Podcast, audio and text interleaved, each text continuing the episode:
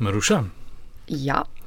Današnja prigoda je taka, da jo bova tudi sama uh, zelo dobro razumela. Ne vem, kako se zbuješ te dni, ampak po tvojih tvitih sodeč uh, te je strah. Ja, eh, da bi zamudila, da bom prespala, da me ne bo v studio.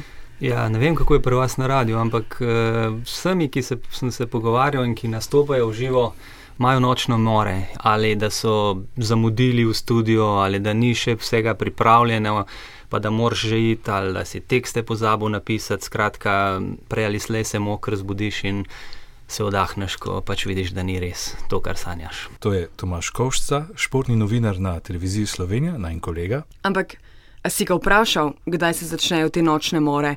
Um, takoj, ko stopiš pred mikrofon, na, na oder, pred kamero? Ja, Jaz sem takrat začel ja, uh, sanjati te more, oziroma so me tlačile more, ko sem uh mhm. -huh. začel v živo nastopati. Ja. No, Tomaš ima eno zelo zanimivo prigodo. Uh mhm. -huh. ja, šlo je pa tako le približno. Bil je čisto običajen uh, dan v športni redakciji na televiziji. Dan, uh, vodil sem uh, poročila, tista ob 8 in pa zvečer.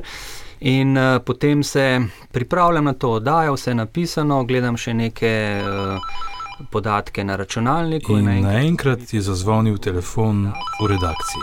In na displeju vidim eh, napis Studio 3. Um, Studio 3, to je tam, odkuder poteka oddaja v živo? Točno tam. In Tomaš je doživel šok, ker je takoj vedel, vedel, kaj je narobe. Se pravi, ta čas, ko sem jaz iskal in surfal po internetu, se je že odvila kultura, pa špica športa in seveda jaz sem še mirno sedel v redakciji. Torej, Tomaš je sedel v športni redakciji v tretjem nadstropju, zazvonil je telefon iz pritličja, Tomaš je pogledal na televizor, kjer pa se je že vrtel uvodna špica za šport. Ojoj. In tudi pot do studia ni bila kratka. Jaz sem takrat zašprintal proti studiu po vseh stopnicah in tako naprej. Medtem so gledalci uh, doma lahko uživali v sliki praznega studia. takrat smo še sedeli za mizo. Prizor je bil torej naslednji. Tomaš s stolom na kolesih pridrsa do mize, za mikrofon se lepo namesti. In zaradi očitne zadrege si ni upal pogledati v kamero, ampak sem gledal mizo in si tako mislil, vse bo, vse bo, zdaj bom začel brati, pač normalno odpeljem ta poročila, nič ne bo narobe. Ne? Zajamem sapo, pogledam v kamero in rečem, dober večer. Ni šlo niti do konca, ker bi ti bil tako zadihan, da nisem mogel enega stavka, ene besede, in to je bilo res grozno.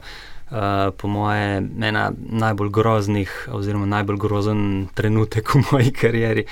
A ta posnetek, ki obstaja? A veš, da sem celo pogledal na YouTube, uh, ne obstaja.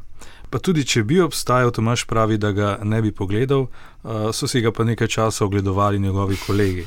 Uh, no, ampak najbolj zanimiv del zgodbe, pa še le sledi. Uh, a se spomniš, ko je Tomaš razlagal, da se te more začnejo, ko začneš živo nastopati? Jaz sem takrat začel ja, uh, sanjati te more. Ja. Pravo vprašanje pa je, kdaj se te more končajo. Ja, to tudi mene ful zanima. No, poslušaj tole.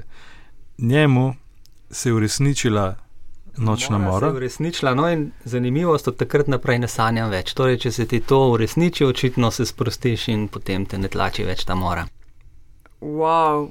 Ja, ne? ne glede na zaplet in nerodno situacijo, je konec te prigode resnično dober. Ja.